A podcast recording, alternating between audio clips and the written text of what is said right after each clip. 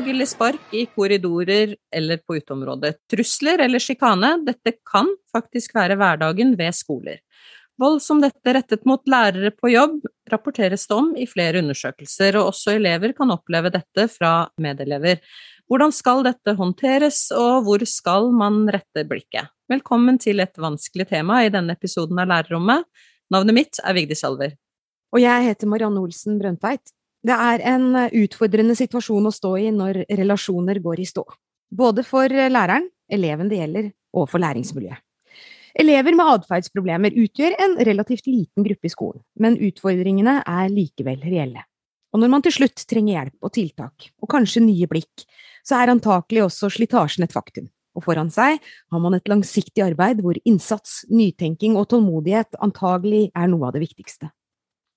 Og med oss inn i denne episoden, for å prøve å komme litt nærmere dette, så har vi to gjester, og den ene av dem er deg, Inger Bergkaste. Du jobber som prosjektleder for barnehage- og skoleutvikling ved Høgskolen Innlandet.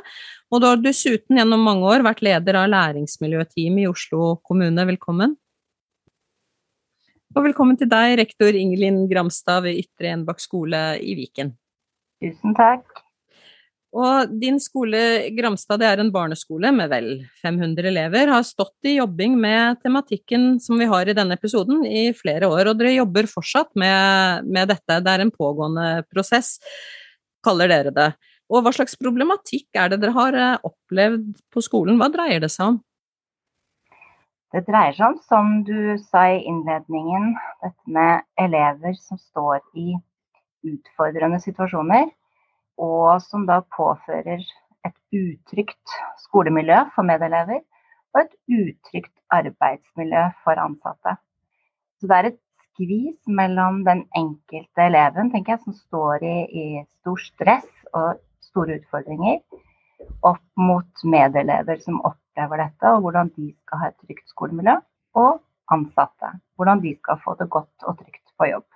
Og mye av utgangspunktet deres for, eh, for, jobbingen med dette som du snakker om nå, det er jo dette spørsmålet.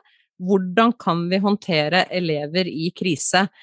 Og hva ligger i det? Hvordan kom dere dit? Hmm. Ja, eh, jeg tenker kanskje at det er å, å komme til en konklusjon hvor vi på en måte egenskapsforklarer barn som har det vanskelig. Altså de er slemme, eller de er vanskelig å ha med å gjøre, eller de er dårlig oppdratt. Så måtte vi jo erkjenne, sånn som mange gjør, at det er ikke der problematikken ligger. Vi må gå inn i den enkelte barns uh, hverdag og liv og finne ut av hva er det som, hva som har skjedd med barnet som gjør at det er i så stort uh, stress eller så, har så stor krise. Mm. For elevsynet du snakker om her, eh, som ligger i bunn, altså at dette er eh, elever som er i krise, hvor viktig tenker du at det er inn i dette arbeidet? Jeg tror det er helt grunnleggende at eh, alle som jobber med barn som står i sånne utfordringer, klarer å se eleven med et annet blikk enn nettopp dette at det er, det er barnet som er slemt, eller barnet som har som har blitt dårlig oppdratt. For da, ellers så klarer vi ikke å hjelpe barnet. Vi klarer ikke å, å ta det imot på en god nok måte. Og vi klarer ikke å bidra til å behandle det som er vanskelig. Så det tror jeg er helt essensielt. Elevsynet. Inger Bergkaste, du har jo mange år reist rundt fra skole til skole. Eh, du er også lærer i bånn, som det heter. Eh, både for å observere og gi råd og veilede i mange vanskelige situasjoner. Og når du hører historien og skildringen og beskrivelsene som, som Gramstad trekker fram her, felles for dem alle er jo kanskje at det som regel ikke er noen kjappe løsninger som finnes. Hvor starter du og teamet ditt når dere skal analysere en situasjon? Ja, jeg tenker i, i, hvert fall i første omgang at jeg har lyst til å si at jeg kjenner meg jo igjen i beskrivelsen som eh, du gir, Ingelin. Fordi dette er noe av det mest krevende vi står i i skolen. Og ikke minst fordi det er så emosjonelt krevende for oss selv. Altså det er langt mer emosjonelt krevende å stå i denne type situasjoner enn at vi strever noe rundt det faglige med enkeltelever og elevgrupper. Sånn at eh, det som jeg syns jeg hører med den emosjonelle støtta, det tror jeg er helt avgjørende. At vi kjenner at vi ikke står aleine. at det ikke blir privatisert. Men at vi jobber både med team, og jo bedre strukturen vi er på skolen er, helt fra ledelsen og ned til den enkelte lærer, det er eh, noe av det mest avgjørende. Mm. Eh, og, er det eh, trygghet i gruppa, så er det lettere å klare å begynne å analysere litt. Fordi det er som du sier, det er langsiktig arbeid. Og så trenger vi også noe kortsiktig effekt litt kjapt. Eh, samtidig som vi selvfølgelig skal holde det langsiktige blikket veldig på det. Og da tror jeg den emosjonelle støtta er helt avgjørende, og gode strukturer på skolen. Mm. Ja, du snakker om, om, analyser som kan starte etter hvert. Eh, hva slags analyser er det snakk om her? Jeg tenker at det handler mye om tenke at all atferd er en type språk. Eh, og det å begynne å kikke litt på hva kan være eh, bakgrunnen for at dette skjer, og hvilke muligheter har vi på å påvirke eventuelt, og begynne å gjøre noen forsøk da, på noe som kan eh, bringe det i en litt annen retning eh, over litt tid. Mm. Ja, hvilken retning peker den nyeste forskningen på dette feltet? Det som er, jeg tenker er veldig godt, da, det er at vi, vi, begynner å ha både et planverk og et lovverk som støtter oss veldig i arbeidet. Altså, det er jo første gangen vi har fått en eh, overordna del i læreplanen vår to år før vi fikk eh, fagplanene. Og jeg tenker at det har vi brukt godt i norsk skole. Til å kikke på prinsipper og verdier. Fordi det er litt som rektor også sier, eh, helt avgjørende. Liksom, hva går vi inn i det med? Og så har vi jo i mye større grad kanskje fått en mye bedre innsikt i forhold til både dette med tilknytningsteori, og vi har også mye mer kunnskap i skolen i dag rundt dette med hjernens utvikling, og hva som ligger av muligheter da, til påvirkning der.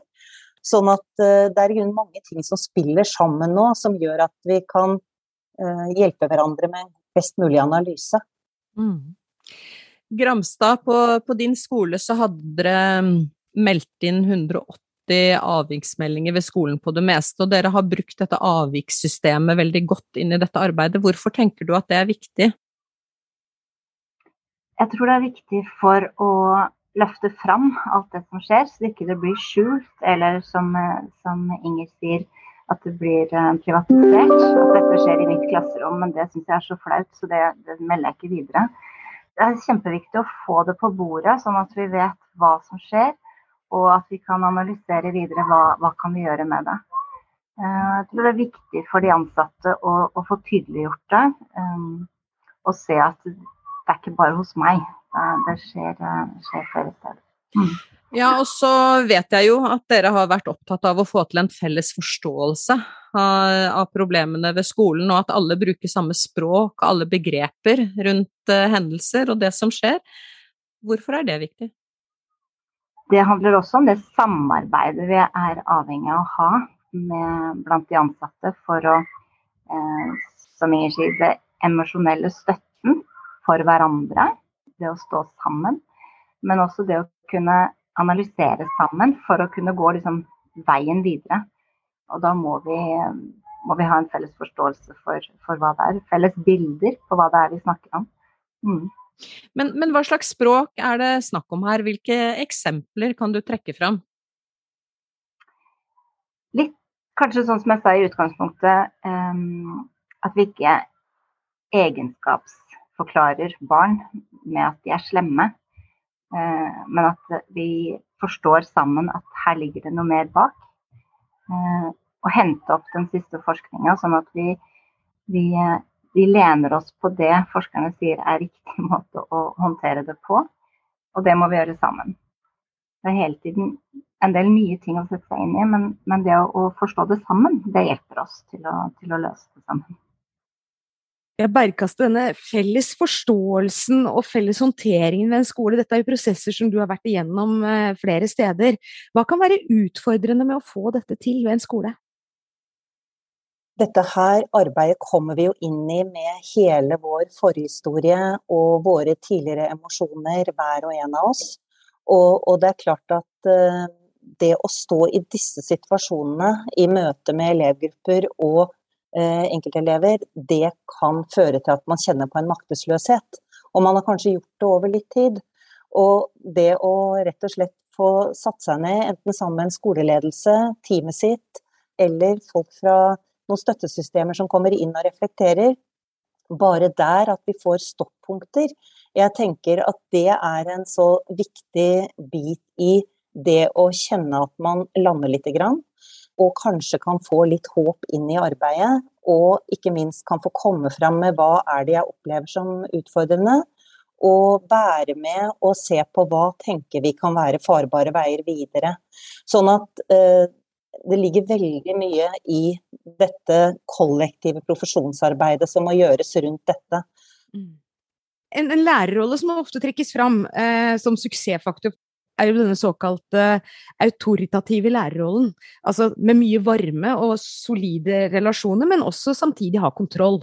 Hvordan skal man klare å få til at det blir et, hvis man kan bruke begrepet autoritativt klima ved en skole? Ja, jeg, jeg, tenker jo at uh, Inger Linn er innom uh, erfaringer som samsvarer veldig med våre erfaringer uh, i forhold til dette med språk. Jeg tror det er svært avgjørende at vi får et felles språk som gir oss en mulighet. Og det, det å diskutere og drøfte hvilket språk det er som setter oss på sporet av det som kanskje kan gjøre da, at vi lykkes i arbeidet, helt avgjørende. Så liksom, eksempel kan jo være at vi har diskutert flere steder at uh, kanskje når vi bruker språk som at vi skal hjelpe elever, kanskje vi skal bytte ut det med at vi skal samarbeide med dem. Uh, liksom Skaper dette noen nye handlingsrom og noen nye muligheter og noen nye tankebaner i oss? Uh, regler som vi kanskje har snakket mye om i skolen, burde vi kanskje bruke andre ord på det? Diskuterer vi en del om dagen. Som f.eks. å snakke om verdier. Hjelper det oss mer til å klare å få til dette samarbeidet da, med både foresatte og elever og hverandre, som gjør at vi liksom ikke eh, blir stoppa av, eh, av, en tanke om at vi skal være grensepolitier. Eh, sånn at det er så mange sånne små ting som kan ha stor betydning, men dette er jo i den enkelte teamet og den enkelte skolen som er med veldig og definerer. For som sagt, det er så sårbart at det er viktig at det er den som har på skoene. Det er den som er i førersetet. Ja, og du er jo blant dem som har skoa på, Ingelin Gramstad. Og dere jobber med denne problematikken fra flere og ulike vinkler. Og dere henter jo inn kompetanse fra ulike instanser, som PP-tjenesten, BUP, barnevernstjenesten ut fra elevenes behov, og bedriftshelsetjenesten har dere brukt, og Arbeidstilsynet har vært inne. Og kompetansen som trengs inn i, i dette arbeidet, er jo ikke noe alltid den enkelte skole har. Hvor viktig er det for skoleledelsen og de ansatte å tidlig få den erkjennelsen at her, her må vi søke ut? Jeg tror, eh, i hvert fall ut fra når jeg begynte i denne rektorjobben, så så vi det ganske kjapt at her må vi, må vi samarbeide fort med andre. fordi vi, vi sto liksom fattige tilbake sjøl, selv, selv om eh, vi sitter på ulik kompetanse i skolen også. Men det å hente inn de ressursene var viktig, altså. De fleste opplever nok at de står i et skvis på, på ulikt lovverk og ulike erfaringer. Eh, og selv om skolen kan stå sterkt som kollega og ha god kollegastøtte eller lederstøtte, så, så er ikke det tilstrekkelig for alle disse utfordringene som, som iallfall vi har opplevd da, og erfart.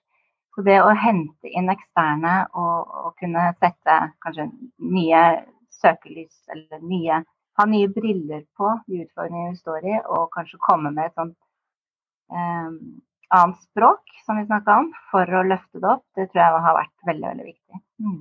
Og så er det vel også en, en balanse her, og hvor går balansen eller grensa mellom det at eh, ansatte ikke skal akseptere slag og spark i arbeidstiden, men, men samtidig ha den erkjennelsen som du snakker om, at slik er det faktisk her nå? Det er kanskje det aller, aller vanskeligste. Fordi vi er denne skolen som skal ta imot alle typer elever med alle ulike utfordringer og, og historie. Så for oss så har det vært en lang prosess, og er en vrien prosess. Um, og da har vi jo jobba med hvem kan ta uh, de ulike situasjonene. Hvem, hvem klarer det? Som vi vet, så kommer jo også alle ansatte på en skole med sine ulike erfaringer og sine ulike historier. Eh, og for noen så kan det være enklere. Ja, Bergkaste, i, i, ditt arbeid så har du møtt flere situasjoner hvor faktorene er mange og på mange måter kan oppleves som fastlåst. Um, og det er, mange, det er mange nøkler som må til, uh, som vi har vært inne på uh, i denne episoden. Foreldregruppa, hvis vi snakker om den, hva skal til for å få dem med på måten skolen håndterer utfordringene på? Ja, jeg tenker at uh, ofte så, så, sier vi at uh, foreldregruppa er liksom en så viktig skyggefaktor, fordi vi ser dem ikke hele tiden og hver dag. Men uh, det er helt avgjørende at vi lykkes godt med å få til det kloke samarbeidet med foreldrene.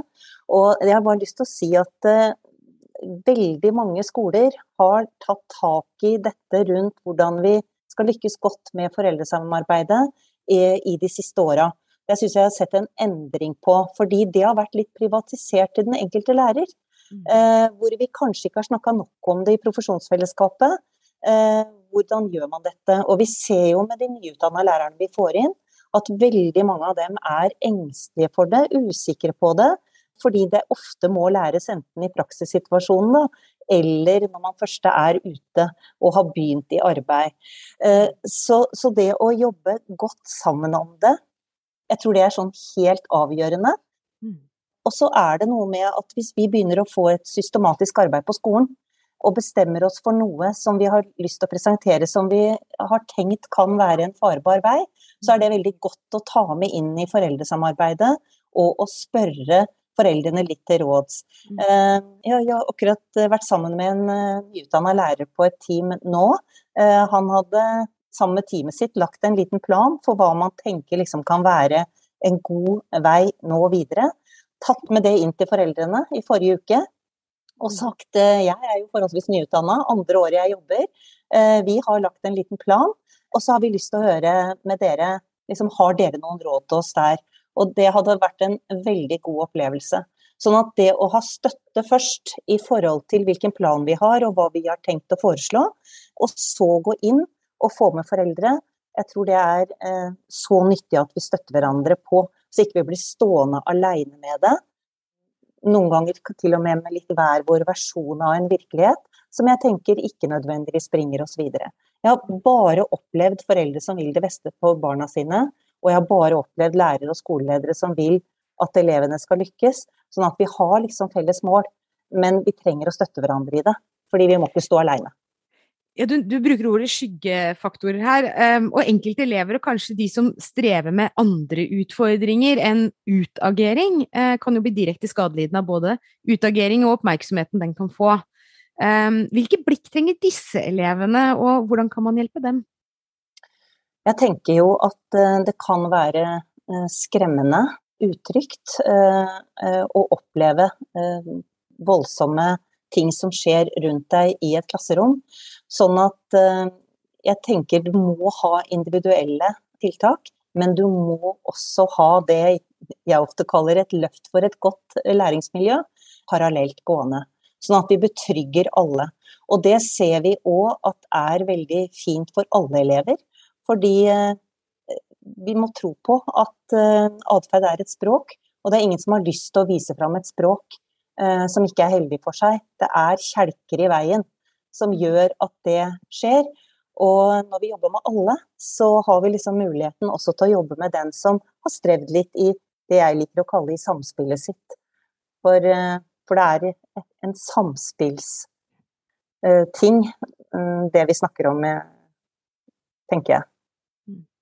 Ja, Gramstad atferd er et uh, språk her, sier Inger Bergkast, og det er det jo for alle. Og hvis vi nå skal rette blikket framover uh, og gå til din skole, da, hvilke rutiner og samtaler er det viktig for deg som leder at dere beholder og utvikler videre? Det er å fortsette samtaler med, i profesjonsfellesskapet på hvordan vi løfter hverandre som ansatte. Dette å ta vare på hverandre og hvordan vi styrker hverandre til å gå ut med det gode blikket på eleven og og akkurat som, eh, som Inger Bergkaste sier i forhold til det samspillet som de har. Vi har mange elever å ivareta, eh, den enkelte, men også gruppa. Og hvordan, hvordan gjøre det godt sammen, det tenker jeg er, er, spørsmål vi hele tiden må stille oss i forhold til hvordan vi, vi løser de utfordringene vi står i. Mm. Ja, jeg, jeg, bare hører at uh, noe av det som, som, jeg tror hjelper oss uh, framover i skolen, da, det er jo dette med å uh, samle erfaringer. Og så holder det ikke bare å samle erfaringer, men det gjelder å hele tida liksom se hvilke erfaringer har vi samla oss, og hvordan forvalter vi de her erfaringene. Uh, og hva betyr det her for neste praksis? Vi har en nåværende praksis, og så forvalter vi erfaringer, tester ut, og hva betyr det for neste praksis? Jeg syns jeg hører at Eh, at dere gjør det eh, på deres skole. For det er jo noen ting som vi vet er liksom lure steder å sette inn innsats. F.eks. ved de store overgangene. Eh, barnehage, skole. Fjerde til femte. Sjuende til åttende. Tiende til videregående. Det er liksom noen steder som vi oppsummerer erfaringer som er veldig lurt å ha med oss videre. Og med disse rådene å ha med seg videre, så sier vi tusen takk for både faglige råd og erfaringer fra gjestene våre i denne episoden. Ingelin Gramstad og Inger Berkaste, tusen, tusen takk til dere. Tusen takk til dere som lytter til oss. Ta gjerne kontakt dersom dere har ideer eller ønsker om temaer dere ønsker et lite dypdykk i. Og takk for at dere blir stadig flere som laster ned og følger lærerrommet. Nå sier vi ha det bra så lenge. Ha det! Ha det.